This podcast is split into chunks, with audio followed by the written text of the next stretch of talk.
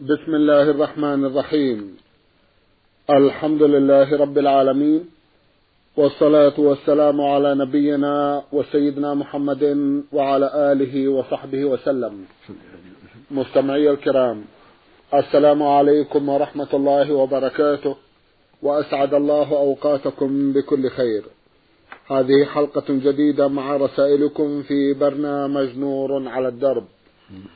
رسائلكم في هذه الحلقة نعرضها على سماحة الشيخ عبد العزيز ابن عبد الله بن باز الرئيس العام لإدارات البحوث العلمية والإفتاء والدعوة والإرشاد. مع مطلع هذه الحلقة نرحب بسماحة الشيخ ونشكر له تفضله بإجابة السادة المستمعين فأهلا وسهلا بالشيخ عبد العزيز. حياكم الله وبارك فيكم. حياكم الله. ما شاء الله. أولى رسائل هذه الحلقة رسالة وصلت إلى البرنامج من المستمع ميم راي شين من حائل أخونا رسالته مطولة بعض الشيء يقول فيها أنا شاب في الثانية والعشرين من عمري. متدين والحمد لله. ولكني أجالس أصحابا لي لا يصلون.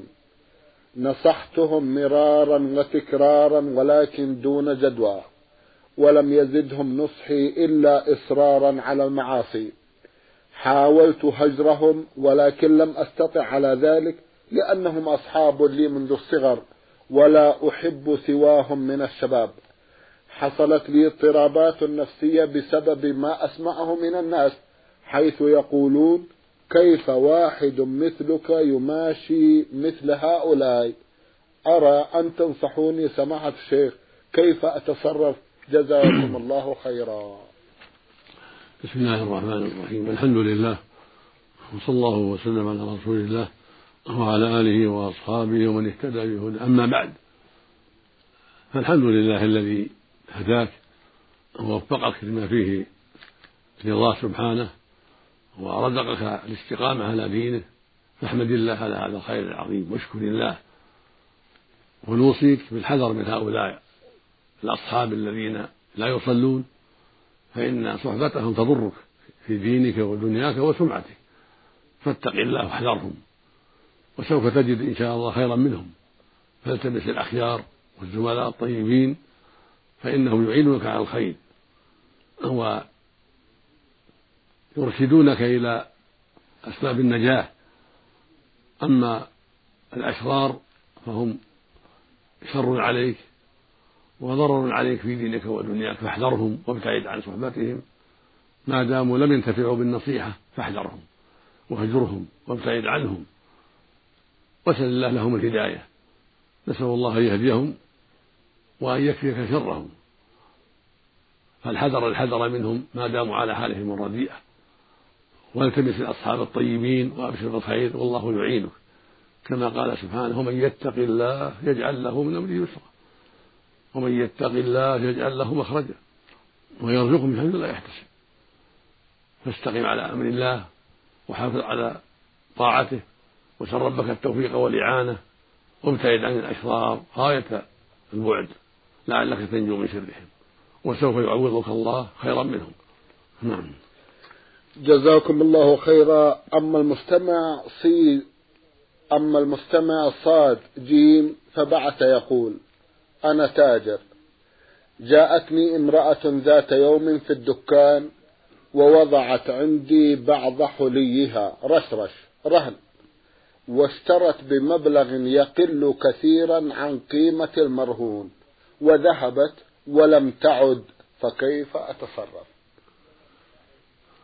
إذا كنت ترجو رجوعها فاصبر حتى ترجع إليك وتعطيك حقك وتأخذ الرهن.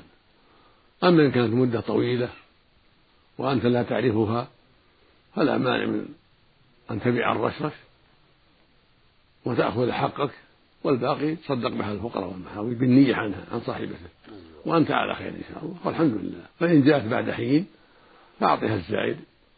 إن لم تقبل الصدقة وإن رضيت بالصدقة صار الأجر لها والحمد لله.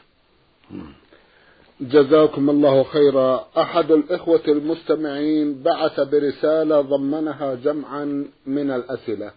يقول في أحدها في بلدتنا وجميع القرى المجاورة لنا يقوم المؤذنون بعد الانتهاء من الأذان الشرعي بزيادة الصلاة على النبي صلى الله عليه وسلم جهرا في الميكروفون. بقولهم الصلاة والسلام عليك يا سيدي يا رسول الله. الصلاة والسلام عليك يا حبيب الله. ونحو ذلك كذا مرة يختمون بها الأذان. ثم يقولون الصلاة والسلام عليك أيها النبي صلى الله عليك وعلى آلك وأصحابك أجمعين. صلى الله عليك والحمد لله رب العالمين.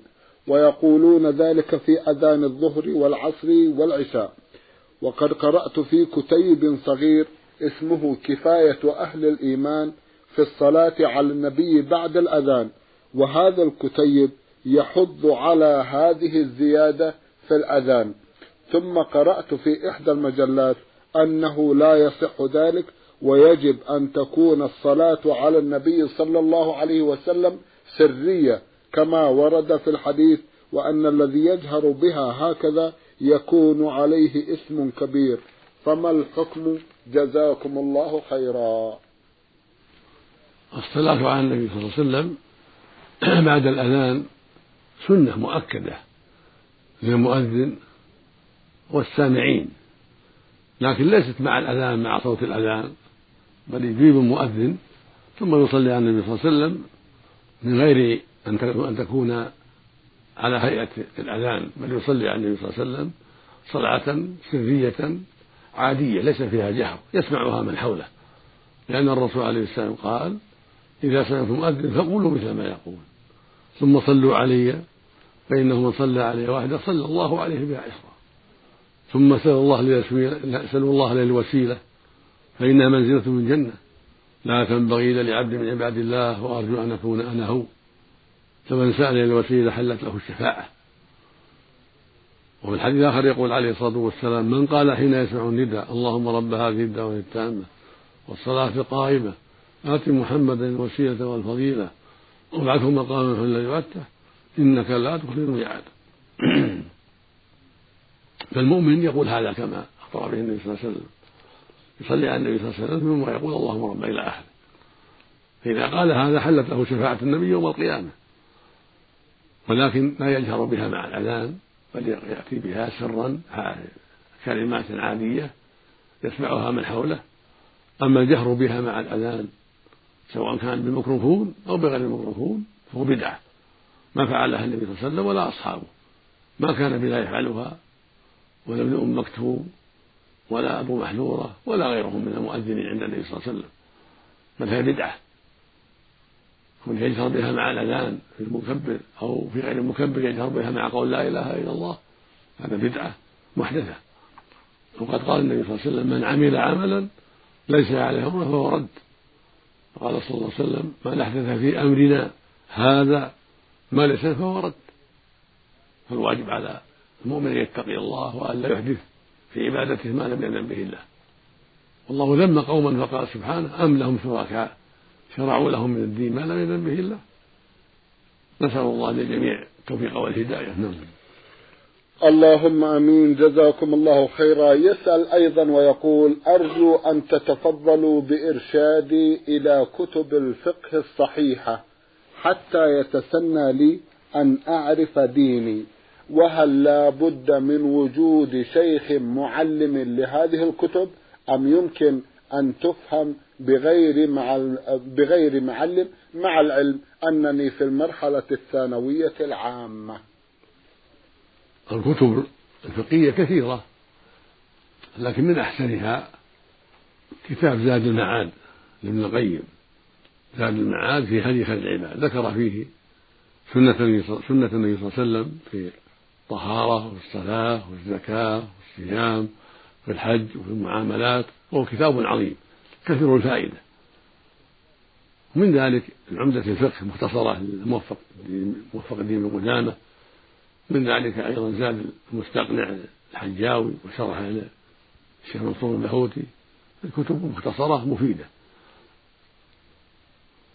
ولا يكفي هو الإنسان يقرأ فقط بل لابد يتصل بالمعلمين المعروفين بالخير ويدرس عليهم ويسألهم عما أشكل عليه لأن الطالب في المرحلة المتوسطة أو الثانوية ما يستقل بالعلم والدليل بل يخفى عليه كثير يخفى عليه كثير من الأمور فينبغي له أن يجتهد في التماس المعلم الطيب ويحضر حلقات العلم يسأل عما أشكل عليه ويواصل الدراسة حتى يكمل الدراسة الجامعية إن شاء الله.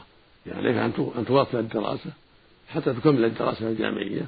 ومع هذا كله تجتهد في حضور حلقات المعلمين المعروفين بالخير وبالعلم والفضل تسألهم عما أشكل عليه ويكون لك درس على بعض المشايخ في الليل أو في النهار حتى تزداد علما مع علمك الذي تتلقاه في المدرسة. وفق الله الجميع. نعم. اللهم آمين. جزاكم الله خيرا. المستمع ميم كاف يا من صبيا بعث يسأل عن جمع من الأمور في أحدها يقول إذا صلى إنسان مع آخر قد لحق بعض الركعات مع جماعة سابقة فما حكم ذلك؟ لا مانع يتخذه إماما وإن كان مأموما سابقا لا مانع يتخذه الأخير إماما. فيصلي معه وإذا سلم قضى ما عليه. لا مانع. وإن صلى كل واحد على حدته فالحمد لله. جزاكم الله خير نعم. إذا لحق إنسان جماعة في صلاة الرباعية كالظهر مثلا ثلاث ركعات فسهى الإمام وزاد خمسا من الركعات وسلم التسليمتين فيصبح الذي لحق الجماعة صلى أربعا فهل يصلي معهم سجود السهو بعد التسليم؟ أم يكون قد أتم صلاة الظهر كاملة ولا يسجد معهم؟ إذا أدرك ثلاثة من الصلاة وسهى الإمام وقام إلى خامسة فإنه لا يقوم معه. لا هو ولا من عرف أنه ساهي يجلسون ينبهونه سبحان الله سبحان الله حتى يرجع. فإن لم يرجع لم يتابعوه. ما دام يعلمون أنها زائدة. فإن تابعوه جاهلين بالزيادة أو جاهل بالحكم الشرعي فصلاته صحيحة. ولكن هذا الذي فاتته الركعة ولو تابعه جاهلا لا تكفيه الركعة. بل إذا سلم إمامه يقوم ويأتي بالركعة اللي فاتته. لأن القضاء يكون بعد السلام لا قبل السلام. فلو تابعه في الرابعة التي زادها وهي له خامسة وتابعه المسبوق فإنها لا تجزئه على الصحيح. بل إذا سلم إمامه يأتي بركعة مكملة في صلاته. وإذا كان يعلم أنها زائدة لم يقم معه. وهكذا الجماعة. من علم أنها زائدة لا يقوم معه بل يجلسون وينتظرونه وينبهونه. وإذا سجد للسهو سجدوا معه كلهم. لأن السهو يعمهم. فإذا سجد سجدوا معه سواء كان قبل السلام أو بعد السلام. أما الذي سبقه سبقته واحدة إذا سلم الإمام يقوم. ما سجد لمن السهو نسي سجود السهو أو أخره وقام المأموم يصلي ما عليه فإن يسجد السهو بعد بعد قضائه ما عليه. إذا لم ينتبه من لسجود السهو إلا بعد ما قام بأن لأن الإمام أخر السجود للسهو بعد السلام فقام المأموم يقضي ما عليه فإنه يكمل ويسجد السهو بعد قضائه ما عليه لأن السهو عمه. أما إن انتبه قبل أن يقوم لسهو الإمام فإن يسجد معه. أو كان سجود الإمام قبل السلام فإنه يسجد مع السهو يكفي ذلك. إذا سجد مع الإمام كفاه ذلك سواء قبل السلام أو بعد السلام.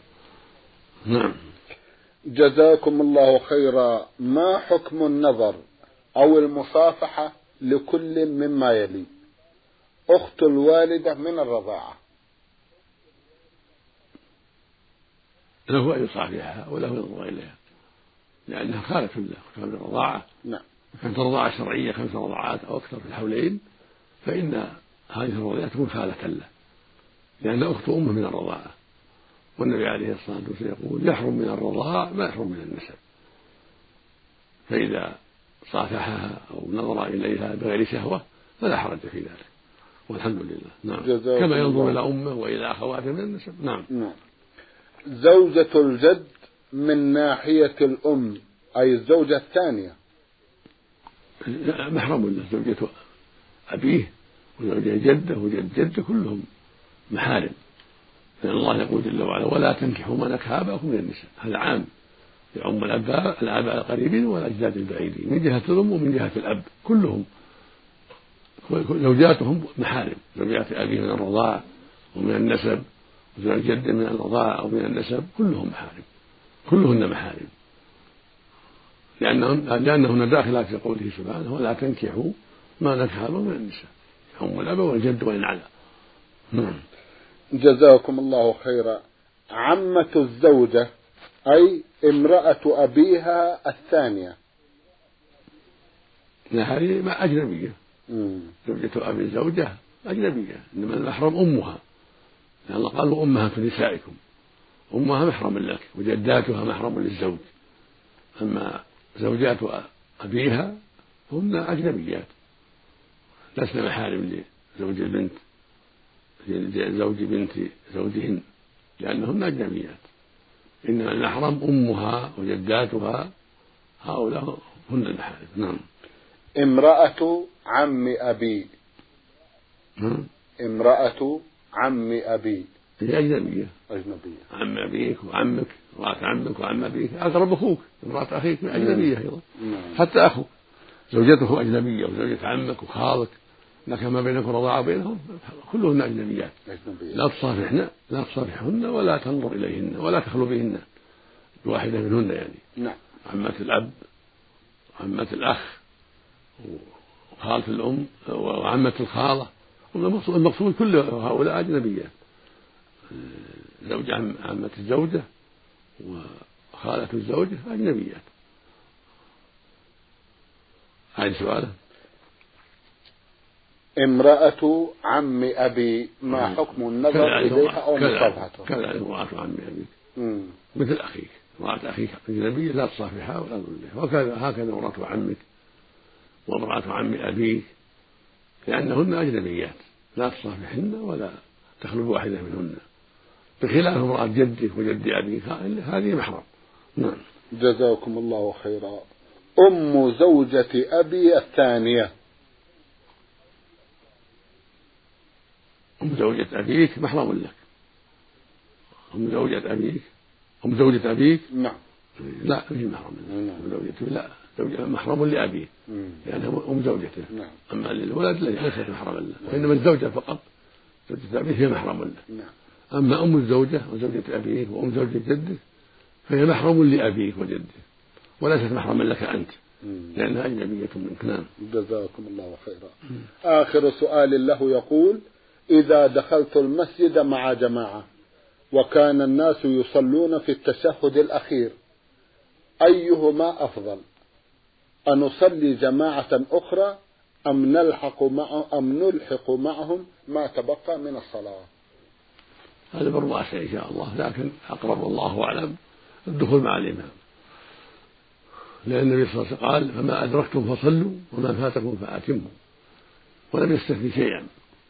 هذا يدل على أنهم إذا أدركوا في الركعة الأخيرة بعد الركوع أو في السجود أو في التشهد دخلوا معه وإن صلوا جماعة وحدهم فلا حرج في ذلك إن شاء الله. هذا أمر واسع لأن الجماعة إنما تدرك في الركعة. يقول صلى الله عليه وسلم من أدرك ركعة من الصلاة فقد أدرك الصلاة. فإذا جاءوا بعد الركوع في الركعة الأخيرة فاتتهم الجماعة فإن صلوا معه لعموم قوله صلى الله عليه وسلم ما أدركتم فصلوا. هذا مناسب أخذا بالعموم. نعم. وإن صلى الداخل مع غيره جماعة جديدة هذا قد يكون أفضل إذا كان قد بعد السلام يكون أفضل.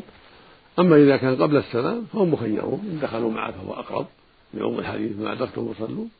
وإن صلوا جماعة وحدهم فلا حرج إن شاء الله. إن شاء الله. نعم. جزاكم الله خيرا. إحدى الأخوات المستمعات تقول عن نفسها أنا أم نادر من المدينة المنورة. لها بعض الأسئلة في أحدها سؤال طويل تقول فيه إن والدي لم يزك أمواله أبدا وكذلك مصدر أمواله حرام أي أنه يعمل بالغش ويقول إنه يعمل في الحلال. ولا نستطيع نحن أولاده أن نكلمه في ذلك. ووالدتي ذكرته بزكاة الأموال قال لها لا دخل لك. وإن قالت له تعمل كذا وكذا يقول هذا غير صحيح. ونحن نعلم علم اليقين بذلك. فهل ينطبق علينا قول الرسول صلى الله عليه وسلم فيما معناه؟ اللحم الذي تغذى على الحرام النار أولى به؟ وهل دعاؤنا وصلاتنا لا تقبل؟ وكذلك الوالدة ماذا يجب عليها أن تعمل شرعا؟ افتونا جزاكم الله خيرا. الإثم عليه وعليكم النصيحة. ما دمتم نصحتموه وأديتم الواجب فالإثم عليه ولا يضركم. لأن هذا المال مختلط فيه الحلال والحرام فلا يضركم. لكن الإثم عليه. عليكم تسأل الله له الهداية والتوفيق وتنصحه بالكلام الطيب والأسلوب الحسن لعل الله يهديه حتى لا يغش وحتى لا يخون في المعاملات. أما أنتم فلا حرج عليكم إن شاء الله في أكلكم من طعامه وشرابه لأنه طعام مدخول فيه بعض الغش وليس كله حراما بل فيه بعض الشيء. فالإثم عليه في ذلك وأنتم معذورون للحاجة إلى أكل طعامه وشرابه لأن النفقة عليه وأنتم في نفقته. أما إذا كنتم في مستقلين وعندكم أموال طيبة فاحمدوا الله على ذلك وأنفقوا من أموالكم الطيبة وكلوا منها. أما إذا كنتم بحاجة إليه فأمواله مدخولة ويكون فيها الطيب والخبيث وفيها خلط الغش وما يقع من خيانة فلا حرج أن تأكلوا منه لأنكم تأكلون من أموال مشتبهة مختلطة ليست صريحة بالحرام بل فيها بعض الحرام. ولكن الإثم عليه. وعليكم أن تناصحوه وأن تجتهدوا في الأسلوب النافع الأسلوب الطيب الذي يرجى أنه يتقبله حتى يحذر الدخول في الحرام وفي الغش وفي الخيانة. نسأل الله لنا وله الهداية. اللهم آمين. جزاكم الله خيرا. تقول أيضا هل يجوز تعليم القرآن ابتغاء وجه الله اولا من أجل الثواب ثم أخذ الأجرة لكي أستعين بها على قضاء حوائجي في طاعة الله مثل شراء كتب للدراسة وما يلزم علما بأن والدي لا يعطيني ما أحتاجه من الضروريات علما بأنه ميسور الحال. جزاكم الله خيرا. لا حرج في ذلك. تعليم القرآن بالأجرة لا حرج. لأن الإنسان يحتاج إلى ذلك. تعينه على طاعة الله وتعينه على التفرغ للتعليم والصبر على التعليم. ويقول النبي صلى الله عليه وسلم إن أحق ما أخذتم أجرا كتاب الله. رواه البخاري في الصحيح. إن أحق ما أخذتم أجرا كتاب الله. المعلم يحتاج إلى من يساعده على التعليم فلا حرج عليك في ذلك. جزاكم الله خيرا. تقول إنني كما علمت من فتاوى العلماء جزاهم الله خيرا أن قراءة القرآن للحائض والنفساء لا تجوز إلا للضرورة. مثل أن تكون طالبة تدعى للاختبار. لكن ماذا تفعل من تحفظ القرآن وهي كل يوم تحفظ وتراجع ما حفظت؟ ماذا تعمل وهي تجلس في الدورة أربعة عشر يوما؟ وهذا يؤدي إلى النسيان إن لم تقرأ وتذاكر. ثم إنها تتعطل عن الحفظ كثيرا. وإذا كان يجوز لها القراءة فهل يجوز مس المصحف بحائل؟ افتونا جزاكم الله خيرا. هذه المسألة فيها خلاف بين العلماء. من أهل العلم من أجاز لها القراءة لأن مدتها تطول وهكذا النفساء. قالوا وليست مثل الجنوب الجنوب يمكن أن يغتسل في سرعة من غير بطء لأنه متى فرغ من حاجته أمكنه يغتسل ويقرأ ويصلي. أما الحيض والنفساء فإن مدتهما تطول فليست فليستا مثل الجنوب. وهذا هو الصواب أن لها القراءة عن ظهر قلب لأنها تحتاج تحتاج إلى ذلك قد تنسي قد تنسى ما حفظت فلا مانع من القراءة في حق الحائض والنفساء عن ظهر قلب. وإذا دعت الحاجة إلى مراجعة مصحف من وراء حائض فلا بأس هذا هو الصواب لأن الفرق عظيم بين الجنابة وبين الحيض والنفاس. فلا يجوز القياس على الجنابة. وأما حديث أنه صلى الله عليه وسلم قال لا تقرأ الحائض ولا يجوز شيئا من القرآن فهو حديث ضعيف لا تقوم به الحجة. نعم. جزاكم الله خيرا. هل تأسم الزوجة إذا كانت لا تحب زوجها لأسباب كثيرة منها سوء معاملته لها وبخله إلى آخر ذلك؟ وهل أولاده يأسمون بعدم محبتهم لوالدهم ولكن لا يبدون ذلك له ويفعل تقول هل تأثم الزوجة إذا كانت لا تحب زوجها لأسباب كثيرة منها سوء معاملته لها وبخله وإلى آخر ذلك؟ وهل أولاده يأثمون بعدم محبتهم لوالدهم ولكن لا يبدون له ذلك؟ ويفعلون ما يريد من غير معصية الله. افتونا جزاكم الله خيرا. لا تعلم الزوجة في بغضها لزوجها إذا وقعت في أسباب توجب البغض لا حرج. كأن تبغضه لمعاصيه أو لبخله أو سوء خلقه وضربه لها بغير حق وما أشبه ذلك. قد تكون البغضة أيضا ضرورية ليس باختيارها بل اضطرت إليها والله لا يكلف نفسا إلا وسعها سبحانه وتعالى. وقد ثبت عن زوجة ثابت بن قيس رضي الله عنها أنها قالت إني لا أطيق فلانا بغضا. فأمرها النبي صلى الله عليه وسلم أن ترد عليه حديقته وأمره أن يطلقها طلقة واحدة. فالقلوب بيد الله جل وعلا. هو الذي يجمعها ويفرقها. ليست بيد المخلوق. فإذا حصل في قلب المرأة بغضا لزوجها من غير من من أسباب فعلت فعلها فعل أسباب فعلها هو من شحه وبخله أو سوء خلقه معها وضربه لها أو معاصيه أو نحو ذلك فهذا لا حرج فيه. وإذا كان من أهل المعاصي أبغض في الله. شرع بغضه في الله سبحانه وتعالى. وهكذا الأولاد إذا أبغضوه للمعاصي والشرور التي فيه وسوء خلقه ما يضرهم ذلك. لكن عليهم السمع والطاعة في المعروف وعليهم بره وإن أبغضوه عليهم أن يبروه وأن يسمعوا ويطيعوا له في المعروف وأن يؤدوا حق الوالد هذا واجب عليهم. ولو كان في قلوبهم شيء من البغض له بأسباب أخلاقه السيئة وأعماله الرديئة من ضرب وإيذاء بغير حق أو من أجل المعاصي التي يتعاطاها لا يضرهم ذلك. ولا يضرهم بغضهم له من أجل هذه الأمور. وإنما الواجب عليهم أن يبروه ويحسنوا إليه ويؤدوا حقه. ولو جرى ولو جرى منهم ما جرى من البغض. فالبغض منهم شيء والبر واجب عليهم حتى ولو كان الأب كافرا. قال الله جل وعلا في حق الكافر وصاحبهما في الدنيا معروفا أمر الولد يصاحب أبويه في الدنيا معروفا وإن كانا كافرين. فيؤدي حقهما من البر والصلة والإحسان وإن أبغضهما في الله ولله سبحانه وتعالى. وهكذا المرأة سواء إذا كان زوجها لا معاصي أو إيذاء لها وظلم لها فإنه لا حرج في بغضها له ولا حرج في أن تطلب الخلع وتعطيه ماله حتى يطلقها لا حرج في ذلك لأنها لا تستطيع أن تحل المحبة في قلبها الأمر بيد الله جل وعلا. نعم. جزاكم الله خيرا. رسالة من المنطقة الشرقية بعثت بها إحدى الأخوات رمزت إلى اسمها بالحروف واو سين تقول في قريتنا عادة منتشرة. أعتقد أنها سيئة وهي أن النساء حينما يتزاورن تعطر وتبخر كل واحدة منهن الأخرى ونحن نعلم النهي عن خروج المرأة متعطرة فهل في هذا العمل إثم؟